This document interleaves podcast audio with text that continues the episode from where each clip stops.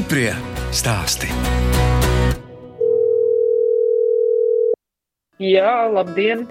Tagad janvārī mēs paņēmām atvaļinājumu, jo mēs decembrī ļoti daudz strādājām, taisījām visādas akcijas un dāvanu komplektus visādus piedāvājām uzņēmumiem un uh, uz Rīgas veikaliņiem vedām. Un tad izdomājām, ka janvārī mēs atpūšamies. Pēc jaunā gada pilnīgi ne par ko nedomāju. Gulēju līdz pusdienas laikam, arī vakaros diezgan ātri gāju gulēt. Nu, jūtu, ka tiešām tie spēki ir izsīkuši un vajag vienkārši fiziski atjaunoties. No februāra atkal sāksim strādāt. Tā stāsta Sintīna Rude, kas Raunā kopā ar biznesa partneri Inesi Kruplīti izveidojusi uzņēmumu Latvijas ķiploks. Es, žurnāliste Dāna Zalamane, pie ķiploku meitenēm, kā viņas pašas sevi sauc, biju pirms trīs gadiem. Uzņēmums, kur turisti var nogaršot ķiploku zupu, ķiploku torti un pat dzērienus ar ķiplokiem, turpina augt un attīstīties. Par to, ka ideja ķiploku pārstrādē netrūkst, Sintīna Rude stāstīja jau pirms trīs gadiem. Tā ir mūsu mazā fabrika. Te notiek visu laiku aktīvs ķiploku mizošanas darbs un kaltēšanas darbs. Krāsnīs lielajās kaltējās, mazajās kaltējās. Var apskatīties, kā tas izskatās. Šis ir mums eh, ķiploku smalcinātājs. Nomizotās daivas te saberām, tad sakapājās viņas tajos gabaliņos, cik mums lielas vajag, lai mēs tad varam pēc tam likt krāsnī kaltēties. Un šeit mums ir ķiploku mizojumā mašīna fasēšanas telpa. Tas ir eh, ķiploku pulvera taisāmais aparāts. Tās ir dzirnavas, ar ko mēs taisām ķiploku pulveru. Braunā domē bija konkursi jaunām idejām vai esošo ideju attīstībai, un tad likās tas tāda lieliska iespēja, jo arī tajā pirmajā gadā pirmai vietai bija 2500 eiro. Un tad es kursus izgājusi, sapratu, kā pareizi uzrakstīt mērķi, lai viņš piepildās. Un Inese palīdzēja izrēķināt ciparus, salikt visas naudas plūsmas. Un dabūjāt pirmo un, vietu. Un dabūjām pirmo vietu. Ko tad jūs par to Eiropas naudu iegādājāties? Mēs Iegādājāmies ķiploku kaltas lielās, etiķešu līmējamo aparātu un šo ķiploku pulveru aparātu. Un tas mums būtiski atvieglo darbu, jo, ja mēs tad stundā varējām līdz 100 pudelītēm aplīmēt, tad tagad jau varēsim 700-800 stundā. Tas nozīmē, ka atliek laiks vēl citiem darbiem pēc tam. Cik tad tagad jums dažādi produkti ir? Skaitīt. Plauktā stāv 11, bet ir vēl vairāk. Pirmais ir tas tīrais ķiploku pulveris, kurš bija tas pamata produkts, un ar vienu produktu tirgu neiekaros. Un tad otrs bija ķiploku granulas, korķītī dzirnaviņā. Ah, tas ir žāvēts ķiploks? Tas ir žāvēts, jā. Un trešais ķiploku tēja, tur arī ir kaltētais ķiploks, kaltētie ķiploku ziedi un kaltēts ingvers. Lielākoties izaivielas mēs visas meklējam Latvijā, audzējam pašas ķiplokus, arī ir savi audzētāji, kas dod mums savus ķiplokus. Un ingveru nevar Latvijā izaudzēt. Dzirdēts ir, ka jau sāk mēģināt. Nu, cerams, ka izdosies un mēs varēsim Latvijas ingveru lietot. Ķiploku konfektes, te arī ir daudzi, seši veidi dažādi. Seši, jā, septītais nav un astotais vēl testējās. Šo ideju vispār mums pameta Igauņi. Mēs bijām savā pirmajā izstādē Rīgā Baltūr, uzvārījuši ķiploku tēju devām cilvēkiem un ķiploku maizītes. Un nāk Igauņi klāt un viņi saka, kur jums ir ķiploku šokolāde un mums acis liels kādu šokolādi šokolādi, kurš tā ķiploku vispār saldu ēd. Es inesēju bakstu, es saku, varbūt mēs varētu kaut kādus ķiploku cukurgailīšus taisīt, jo kādreiz taču esam bērnībā cukurgailīšu visi vārījuši, piešauta ķiploku klāt un konča gatava. Bet, nu, tā mēs te ņēmāmies, taisījām, nesanāca. Tad mēs iepazināmies ar Madonas karamelēm, gulbenē tirdziņā, lūdzām viņiem padomu. Un sākumā viņi negribēja teikt, ka viņiem visas kompetences, pēc tam viņu arī smirdēšot pēc ķiplokiem, bet mēs tā lūdzāmies, lūdzāmies, kad viņi piekrita. Mums ir laba sadarbība izveidojusies un jaunas garšas top, un arī mums patīk, kad viņi izmanto vārīšanā dabīgās krāsvielas. Upeņu, cidāniju, citronu, zemene, avene. avene un ingvers. Ķiploku ziedu pesto. Nu, te ir tās neparasts produkts, ķiploka ar medu. Tādu arī cilvēki pērk. Jā, pērk. Var ēst gan kakla sāpju nomierināšanai, vai ziest uz maizes, likt ēdieniem klāt tējai, ķiploku medumu. Viņā ir iekšā ķiploku pulveris ar medu kopā. Tad viņš vairākus mēnešus draudzējās, dzīvojās kopā, un tad tikai viņi var pildīt burciņās. Tas arī mums ir sadarbības produkts ar Veselovas bitinieku. Bitinieks saprot to medu. Tā kā mēs saprotam ķiploku, tā viņš saprot medu un sanāca ļoti labi. Cik skaisti marinētie ķiploku ziedi izskatās. Jā, tas sanāca netīšām. Mums ar Inesi par abām divām ir gandrīz divi hektāri ziemas ķiploki, un pagājušajā gadā bija ļoti lietaina vasara. Ravējam ar rokām, nelietojam ķīmiju, lietus un ravēšanu un laika trūkums, tad viena daļa tīruma man aizauga nezālēs, un tā mums netīšām sanāca marinēt ķiploku ziedi. Viss tās kaut kas līdzīgs tā kā āboliņu ziediem, vai ne? Un cilvēkiem arī šķiet ļoti interesants jauns produkts, patīk pavāriem, iet labi gaļas ēdieniem klāt, steikiem dažādiem, tāda ēdamā dekorācija. Un garšo diezgan ķiplocīgi arī viņa tāda. Nu, tagad viņš ir jau pēc pusgada vairāk jau ir kārtīgi samarinējies. Piedaloties kūku konkursā Smiltenē, Sintija un Inese izcepušas saldo ķiploku torti. Tad bija tas nolikums, ka obligāti ir maizē vai rīvmaizē jābūt un biespienam. Un tad sākām meklēt visādas receptes, domāt, ko mēs varam salikt kopā. Uzcepām. Kāpēc jūs piekritāt uz saldo? Sāļot, taču būtu vienkārši. Gribējās bišķiņi laikam izcelties. Izcepām deviņas, kamēr sapratām to garšu, un tad arī ķiploku kūkā ir iekšā ķiploku pulvers un ķiploku ziedu pesto. Inese brauca uz konkursu, no 20 kūkām dabujām astoto vietu. Bišķiņi sabēdājāmies, ka nav pirmā vieta, jo pirmai vietai bija ceļojums, gribējās atvaļinājumā, bet kūka Lūka sāka tādu savu ceļojumu. Un tagad, kad ir Raunas svētki, Raunas vārda diena augustā vai Ronenburgas svētki, bija pagājuši gadu puķu draugu sajies, tad vairākas sacepām kūkas. Un tagad modē varētu teikt tā, kad ir eh, kāda jubileja, tad nevis visi sēž mājās pie rosoļbļodām, bet brauc kaut kur kādā mazā braucienā. Un vēl ir ķiploka asiņainā mērija. Kokteils ar ķiploku šņabi kopā. Mēs domājam, nu nevar tā mērijai liet parastu šņabi klāt, nu tur ir jālai ķiploku šņabis, un tad Līdz ar to radās vēl arī ķiploku šņabis. Bet to ķiploku šņabi jūs pašas neražojat? To mēs neražojam, mums nav tādas licences, tādas zināšanas. Tas mums ir ar CS veselības laboratoriju sadarbības produkts. Un tad viņš bija atradis senu, senu recepti, kā gatavot ķiploku uzlējumu, kas vairāk ir tāds asinsritei. Piekritīsiet, ķiploku meitenēm ir daudz radošu ideju, kā ķiplokam dot pievienoto vērtību. Sintijai vaicāju, kā uzņēmēja darbību ietekmēja Covid pandēmija. Covid uh, ietekmēja gan pozitīvi, gan negatīvi. Martā, kā jau visi, arī mēs aizslēdzāmies ciet, bet mums bija jau pierakstījušās grupas uz marta beigām, uz aprīli, uz maiju.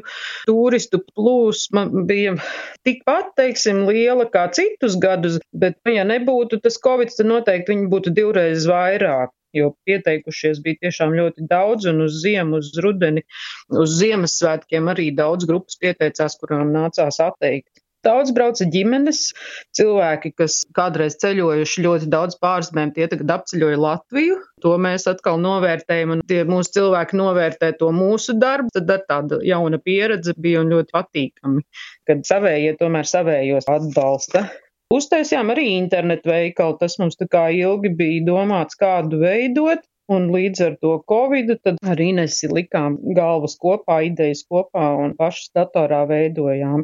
Pirka pavasarī ļoti daudz, vasarā bišķiņ mazāk, bet tad uz rudeni atkal pērk daudz cilvēku internetā. Un, un tagad jau tā e-komercija ir ar visu covid ir diezgan tāda izplatīta, un katram uzņēmējam ir jābūt internetu veikalam, kas palīdz tad arī to preci virzīt tālāk pie klientiem. Mēs piedaram pie pārtikas precēm. Varbūt ķiploku garšvielas nebūs pirmās nepieciešamības prece, bet veselības ziņā atkal ķiploku tējas un ķiploku medus tādas lietas, ko cilvēkiem tieši ir pastiprināti jādzer gan visādu vīrusu augstēšanās laikā, gan vispār ziemā imunitātes stiprināšanai. Tiešām arī vairāk skatāmies un izmantojam ķiploku kulinārijā un arī dzeram tās pašas tējas un stiprinām savu organismu, un ķiploks noder ļoti. Turisma ziņā sanāk atlikt kaut kādas ieceres un mazāki tie ienākumi, jo tirdziņu nav. Tas tā kā arī bremzē to attīstību. Produktu attīstība arī līdz ar to bremzējās, bet mēs tā stingri nolēmuši esam, ka sakal ir jāizdara tāds gada plāns, ko izdarīt ar varbūt jau esošiem resursiem. Pandēmijas visi tie viļņi liek pārdomāt, ko es varu izdarīt tagad, kas jau man ir par resursiem, ko man vajag pirkt, kurus varu ietaupīt, vairāk domāt, varbūt, ko un kā darīt, lai nav tā liek arī jātērējās. Uzņēmumā Latvijas ķiploks bija pirms trīs gadiem, un tad Sintīja Rude stāstīja par ieceri Latvijas simtgadē Raunā organizēt ķiploku festivālu. 2018. gadā tas arī noticis. Daudz visādi notikumi bija festivāla laikā. Pats festivāls noritēja sadarbojoties ar uh, Livonijas kulināro ceļu un Raunas uh, novada domi, un mēs trīs tādi partneri, kas uzrīkoja 2018. gada 18. augustā ķiploku festivālu tādu kulminācijas dienu. Principā festivāls norisinājās veselu nedēļu. Līdz ar to festivālu mums iznāca arī trīs jauni produkti. Viens no tiem ir ir eh, ķiploku alus, otrs ir eh, tumšā šokolāde ar ķiplokiem, kas ir atkal tādi sadarbības produkti, un pašu atkal ir ķiploku saldējums. 19. gadā arī mums ir jauni produkti tapuši, un pēc ilgiem eksperimentiem melno ķiploku esam sākuši ražot, un otru saldējumu ar melno ķiploku. Melnais ķiploks ir fermentēts ķiploks. Fermentēšana nozīmē mēnesi ķiploks, tāds kāds viņš dabīgs ir, tiek ielikts speciālā fermentēšanas krāsnī, un mēnesi viņš tur stāv noteiktā temperatūrā un mitrumā. Tad to ķiploku ņem ārā un iekšā pašā ķiplokā daiviņas jau ir tādas melnas karamelizētas. Viņš ir diezgan garšīgs kulinārijā, dažādos ēdienos, gan saldajos, gan saļajos ēdienos var izmantot. Pirmais arī, par cik mums bija tas saldējums jau no parastā ķiplociņa, tad izdomājām, ka arī taisīsim no melnā ķiploka. Pēc krāsām sanāk klasiski baltais un brūnais mums ir, bet abi divi ar ķiplokiem un ļoti, ļoti garšīgi. Nu jau pērnā gada nogalē Tādi svaigi produkti bija karaliskais ķiploku ievārījums un ķiploku ikri. Tā kā attīstamies un ražojam daudz produktus, protams, jaunu produktu izveidi ir diezgan garš process. Tas ir minimālais mūsu gadījumā ir gads, lai uztaisītu jaunu produktu. Arī turisti, protams, ir daudz braukuši, arvien populārāks paliekam un novērtē. Un Ja kādreiz tā ideja par ķiploku audzēšanu un pārstrādi nebija doma, ka varbūt tik grandiozi izvērsīsies, tad nu jau iet uz to diezgan. jo vairāk domā, jo liekas, nu kā interesantāk vēl to ķiploku varētu apēst, un mūsdienās arī jau populārs tāds gastronomiskais turisms. Cilvēkiem patīk likt tādas netradicionālās garšas kopā. Droši vien, ka tas arī ir pie vainas, kad rodās tādas trakās idejas un trako garšu savienojumi apvienojums. Beigās jau tad, kad saliek kaut ko ar kaut ko un vēl sanāk ļoti garšīgs, tad citiem arī labprāt piedāvājam un cilvēki to novērtē un arī garšo viņiem tas, ko mēs te pasniedzam. Ķiploku zupu mēs sākām pēc festivāla taisīt viduslaiku tādu interesantu ar malto gaļu un, un, un pupiņām, zirnīšiem, ar, ar dārziņiem un buljonu. Cilvēki to ļoti novērtēja ēda. Jo tādu karbonātu var visur pārēst, bet no ar ķiploku visur netaist tādus ēdienus. Viens otram pastāst, kur tad ekskursijā bijis un ko tad tur ir baudījis un redzējis. Un tad cilvēki ar pavasarām ļoti brauc. Nu, kur tad tas ķiploku saldējums, kur ir tā zupa? Un ieliet mums kādā burciņā līdz mēs vēl savējiem aizvedīsim. Grūti jau tā uz katru dienu izvārīt, lai būtu arī individuāliem cilvēkiem tā zupa vai kūka, ko iegādāties. Bet arī par to mēs domājam, kā pareizāk izdarīt, lai arī ikdienā būtu tie gardumi pieejami. Tā kā Sintijai ir skolas vecuma bērni, mājasēdes laikā sanāk būt arī skolotājai. Dažreiz sanāk, ka ir kāda viela, ko pašai arī bišķiņi palīdzot bērniem jāapgūst, un, un citreiz atkal tad es bērniem nemaisos, vienkārši eju kaut kur ārā, lai viņi paši tiek ar mācībām galā, jo nu, tāpat jau ir visiem stress, kad nevar tikties ar pārējiem, tad tas ir tāds diezgan traks tāds periods. Linda ir desmitā klase. Viņa aizgāja uz uzņēmēju darbības un vadības novirzienu vidusskola. Diezgan daudz ir ko mācīties. Principā no astoņiem līdz četriem viņai visu laiku sanāk pie datora un daudz tiešām ir mācības un arī interesantas, protams, bet nu ļoti, ļoti arī nogurdina tos bērnus. Un Kristiāns tas ir piektā klase.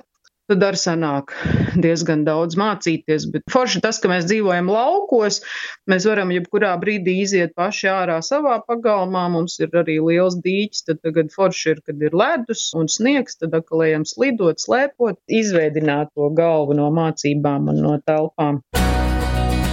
Stiprie stāsti!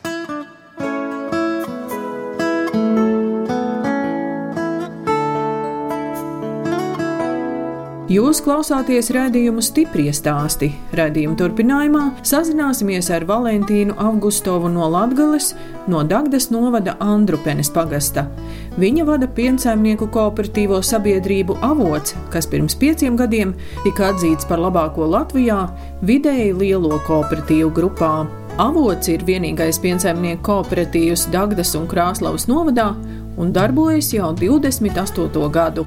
Bija grūti laiki, kad mūs terorizēja piena kombināti, jo viņiem vieglāk strādāt atsevišķi, lai pārdot pienu viņiem.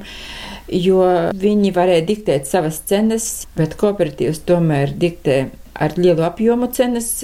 Mēs veidojām arī citos pagastos sapulces un skaidrojām, ka kooperatīvos būs vieglāk Un viņi mums noticēja un piebiedrojas no citiem pagastiem. Tā mēs izdzīvojam tos grūtos laikus. Cik gotiņas ir? No vienas govis līdz 55, 60 goviem. Vidēji pārsvarā mums 10, 11 gotiņas. Un cik ir tādi, kam viena gotiņa? Arī diezgan daudz. Un jūs no, braucat pie visiem un ņemat no visiem? Jā, ņemam no visiem. Ja cilvēkam ir viena gotiņa, cik daudz viņš var nopelnīt mēnesī? Kam ir viena gotiņa? Tas cilvēks var uzturēt tikai, ja viņam ir pensija. cilvēks pat drusku piemaksā, lai varētu jā, lovi uzturēt. Jā, pašais. Nu, tad jau it kā nebūtu pareizi ar to lopkopību nodarboties. jā, bet sev piens kaut kāds ir, sev biespiens ir. Cilvēks, kam viena govs, viņš arī sev jā, jā, daļu piena, jā, ja? ko viņam padaudz, viņš realizē to pienu. Kaut kāda naudiņa arī klāt nāk, bet tiem, kam desmit eh, gotiņas izdzīvo. Protams, viņiem nav to traktoru lielo, viņiem ir parastais Belarus. Vienalga viņi izskolo bērnus, un, un nav tik traki, ka ar desmit gotiņām tur nevar izdzīvot, kā mums daudzreiz saka, tie, kas desmit gotiņas vai tur astoņas gotiņas neizdzīvosiet. Nav tā, nu, nav tā. Kam ir viena gotiņa, kāda vecuma cilvēki ir? Nu, pārsvarā ir jau gados. Biedru skaits samazinās, jo cilvēki paliek gados un vairs netur tās gotiņas. Bet e, tomēr ir kas pienāk klāt, vidējie un lielākie palielina ganāmpulkus. Un kam jūs nododat pienu? Prēļusieram nekāda problēma nav, maksā laicīgi. Mēs saprotam, ka cenas krīt visur, pa visu Latviju, pa visu Lietuvu, Polijā un tālāk. Tāpēc es viņus arī saprotu, ka viņi arī noņem cenu, bet grūti zemniekiem izdzīvot par tādu cenu. Cik apmēram liela cena šobrīd ir par litru, vai tas ir tāds komerces noslēpums? Ziniet, neteikšu, jo saprotiet, šodien tā darīt, jo būs savādāka cena. Kā jūs pateikt, vai kooperatīvs palīdz uzturēt cilvēkiem dzīvesveidu laukos? Jā, protams. Savā laikā diezgan daudz projektus rakstījām Tieši, kad bija pienamājas, kad bija saucamie aparāti, DNS tie projekti mazie gāja. Grāmatvede palīdzēja es un mūsu grāmatvede kooperatīva. Mēs sarakstījām ļoti daudz, 400 projektus.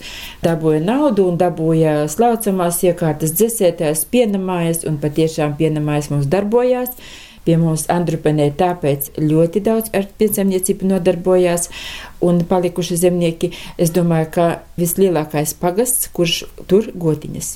Valentīna Augustova stāsta, ka kooperatīvā rūpīgi plāno izdevumus. Valde strādā bez samaksas, algu saņem vadītāji, grāmatvede, piena savācējus un šoferi. Kooperatīvam pieder piecas piena savākšanas mašīnas. Tās nesot jaunas, bet labi uzturētas. Pārsvarā remontē, ko var mājās mašīnas, dažreiz, ko nevar, to mēs remontējam Sohas bijušās darbnīcās, bet tur jāmaksā arī par tām darbnīcām. Un cik jums tās mašīnas jaunas, vecas? Mašīnas ir diezgan vecas, bet motori visiem sapirkti jauni, mucas sapirktas jaunas, riepas arī jaunas, viss ir mainīts un rāmis tikai ir palicis no tām vecajām mašīnām. Gruntceļi nav izbraucami ar tur kādām importa mašīnām. Pagastam nav tik daudz naudas, lai labotu, un tāpēc tā ir kā ir. Jūs jau ne tikai savācat pienu, jūs organizējat visādus seminārus un Jā. pieredzes apmaiņas braucienus. Jābrauc un jāmācās, viss mainās. Un kur notiek tie semināri? Semināri notiek dažreiz pie mums Andrupenē, kultūras namā, dažreiz Dagdā, dažreiz Krāslavā notiek.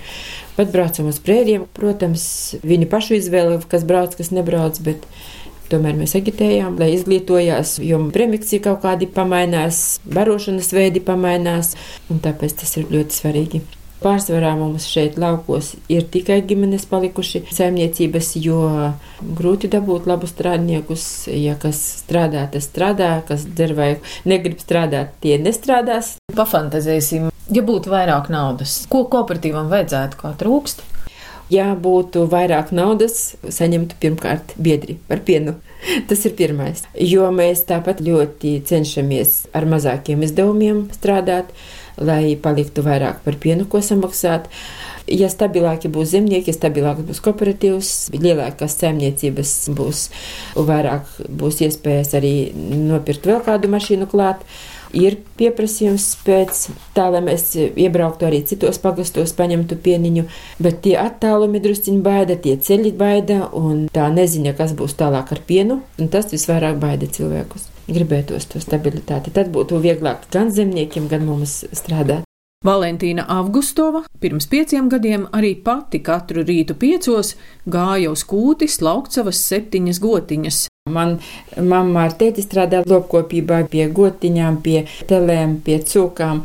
Un vairāk man patīk slaucamas tomēr gotiņas, jo es viņas it kā saprotu, ko viņām vajag. Cik tad tas rīta cēliens aizņem laiku pa kūtiņu? Pusotras ap divām stundām, kad viss ir sagatavots, gan siens, milti un viss tepat uz vietas bet jāskaita, ka jāatved viss un jāsamaļ. Tas pārsvarā mums aiziet uz sestdienu, jo sestdienā tad man brīvs un es cenšos vairāk padarīt. Un vakaros cik tad ilgi ir tas darba laiks? Nu, arī tas pats, divām stundām aiziet. Līdz pusaustoņiem, vasarā varbūt e, astoņos, jo tad vēlāk mēs slaucam drusciņu garāka diena iznāk. Kad zvanu Valentīnai, vispirms vaicāju, vai pašai arī vēl kūtī ir govis. Jā, gotiņas ir tagad mazliet mazāk, piecas govis cestā tele. Drusciņi mazāk, bet nezinu, cik es vēl arī vēl turēšu, bet kaut kā ir pierasts un tas viss vēl ir palicis. Paldies pateikšu kooperatīvu asociācijai. Viņi tomēr mums daudz zināšanas nodrošina un LKC arī tāpat Krāslavas. Man gribas, lai cilvēki arī to zina un es visus šos gadus arī Kauti nemaksā mums par to, ka mēs to sniedzam konsultāciju cilvēkiem un palīdzam, bet eh, pašreiz uz pusgadu esmu pieņemta par konsultantu Dagdas novadā, un tāpēc man vēl viens klāt ir amats lauksaimniecības konsultanti. Tagad bioloģiskie jauni varēs startēt tālāk jaunas saimniecības, un šodien jau sarakstījām iesniegumu jau jaunie bioloģiskajās saimniecības, lai varētu startēt tālāk programmā. Daudz nav skaidrs datu centrā, LADA programmās visās, un tāpēc ir jāpalīdz daudziem, kas neprot strādāt ar datoriem un programmām. Jāpalīdz cilvēkiem arī tajā ziņā. Strādāja kādu momentu par konsultantu arī, bet pēc tam to amatu likvidēja. Tagad atkal piedāvāja uz pusgadu pagaidām, kamēr būs novadu reforma. Kā tur tālāk būs, nav zināms, bet tagad uz pusgadu pieņem mani atkal par konsultantu. Kad vaicāju, kā šodien veicas piensaimnieku kooperatīvajai sabiedrībai avots, Valentīna Augustova stāsta, ka nekas daudz nav mainījies. Kooperatīvā tagad ir 168 biedri un samazinājies mazo piena piegādātāju skaits, bet nodotā piena apjoms nav samazinājies. Nākuši arī jauni biedri, un labi tas, ka tomēr Jau ir jaunāka paudze, kas pārņēmuši no vecākiem saimniecības un turpinās darbs tālāk. Gotiņas labākas ir palikušas šķirnīgākas, jaunieši mācījušies un ir perspektīva. Arī vecāka gājuma cilvēki veic savu darbību un vecāka gājuma cilvēki pat vakar zvanīja viens, ka arī sasirdis, ka piebraukt pie mājām tuvāk un mēs ejam pretī un braucam tuvāk. Ko lai dara visiem tas vecums nāk un gribas gotiņu paturēt, jābrauc ir tuvāk pie viņiem pie saimniecības. Piena daudzums nav samazinājies. Mēs ar katru gadu vēl palielinām piena daudzumu. Tendence tā ir būs, jo mazās lauku saimniecības tomēr vairs nespēja turēt gotiņas, bet ganāmpulki kļūst lielāki. Tagad varbūt kaut kur 20 gotiņas vidēji ir, nu, arī lielākie zemnieki uzreiz var tonu iepumpēt piena. Zemnieki jau ir pieraduši, ka tā ir vienmēr bija un būs. Būs kritums, būs atkal pacēlums tām cenām. Kad sākās tas Covid, kritušas bija labi cenas, tagad atkal drusku nostabilizējušies, bet, protams, ka tās ir par mazu cenas, jo cenas rezerves daļām, traktoriem un visam ir diezgan augstas, un tāpēc piena cena, protams, neatbilst tam darbam. Vienīgais tas, ka cilvēki no subsīdijām kaut ko var nopirkt saimniecībai un atjaunot kaut ko un kaut kā vēl savilkt galus, bet cenas, protams, ka neatbilst. Mēs no blakus novadiem ņemam vēl, kas prasās, lai viņus paņem, bet tie attālumi mums arī tā degviela ir diezgan dārga, kaut mēs uz gāzes braucam, bet retāk un retāk paliek saimniecību laukos, un tie attālumi no vienas līdz otrai saimniecībai ir diezgan paskaitām, paskaitām, ka, nu, pavisam izdevīgi nav. Vēl uzņemties sociālo atbildību, tālāk braukt pēc vienas tur divām gotiņām desmit kilometrus, tad mēs reikinam, ka tas tomēr nav izdevīgi, lai viņi tur nodot, kas tomēr tur blakus varbūt kāds pieņem to pieņu. Piecu gadu laikā mēs dažas mašīnas esam pamainījuši. Tiek paši gaziki, jo te pie mums pa šitiem ceļiem nav iespējams pa mazām saimniecībām izgrozīties ar lielām mašīnām. Bet, protams, kad rezerves daļas ir mainītas un visu laiku pieskatītas un krāsotas un mucas ir nerūsējoša tērauda. Un, protams, ka viņas jāskatās, jāremontē, jāmaina jaunas detaļas, bet šoferi ir ļoti atbildīgi. Pamainījās arī šoferi mūs pa šito laiku dažreiz gājuši pensijā un jaunāka gāja jautājumi atnākuši, paldies Dievam, ir ļoti atbildīgi, ļoti forši un problēmu nav ar šoferiem. Un kolektīvs saliedēs un atbildīgs, un tāpēc it kā viss ir kārtībā šajā ziņā.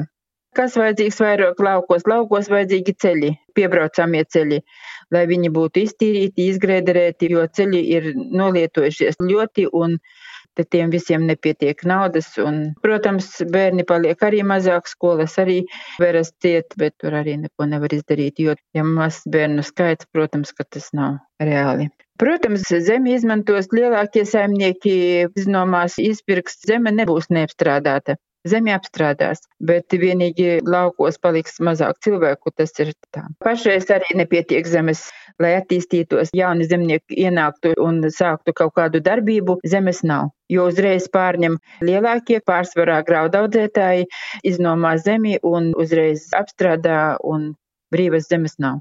Daudzi, kas nav mūsu biedri, ir aizgājuši daudzi uz gaļas lopiem, jo ar pienu ir daudz grūtāk. Piena lopkopību vispār padruskai sāk iznīcināt gaļas lopi, jo negribas visiem celties agri no rīta vakarā eh, slaukt. Tāpēc piena lopkopība it kā padruskai kopumā samazinās pāriet uz gaļas lopiem, bet kooperatīvā tas nenotiek. Visi biedri ir saglabājušies un atnāk arī jaunie, bet jauniešus diez vai mēs sagaidīsim atpakaļ, jo viņi redz, kā mēs arī strādājam un bez brīvdienām un bez atvaļinājumiem kas tagad jauniešiem nav pieņemams arī.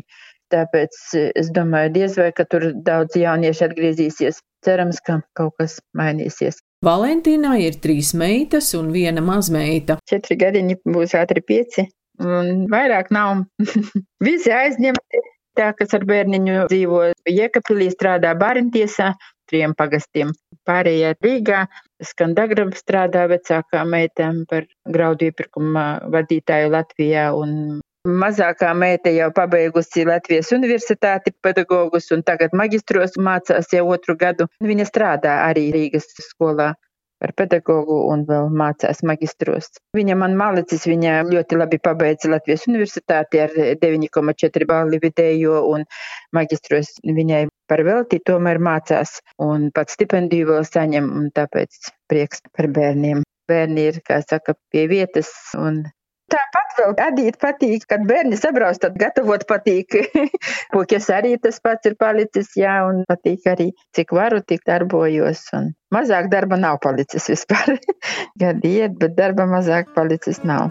Paldies, ka piezvanījāt, paldies, ka atcerējāties. Novēlētu izturību un veselību un pozitīvu domāšanu.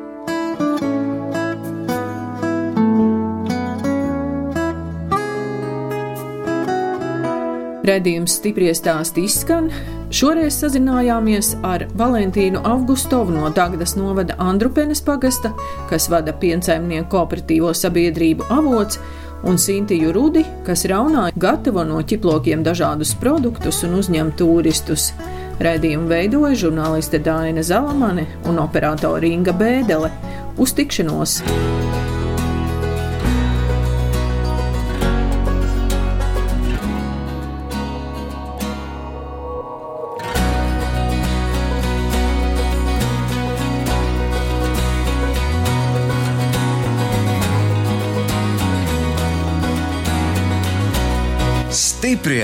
Stāsti.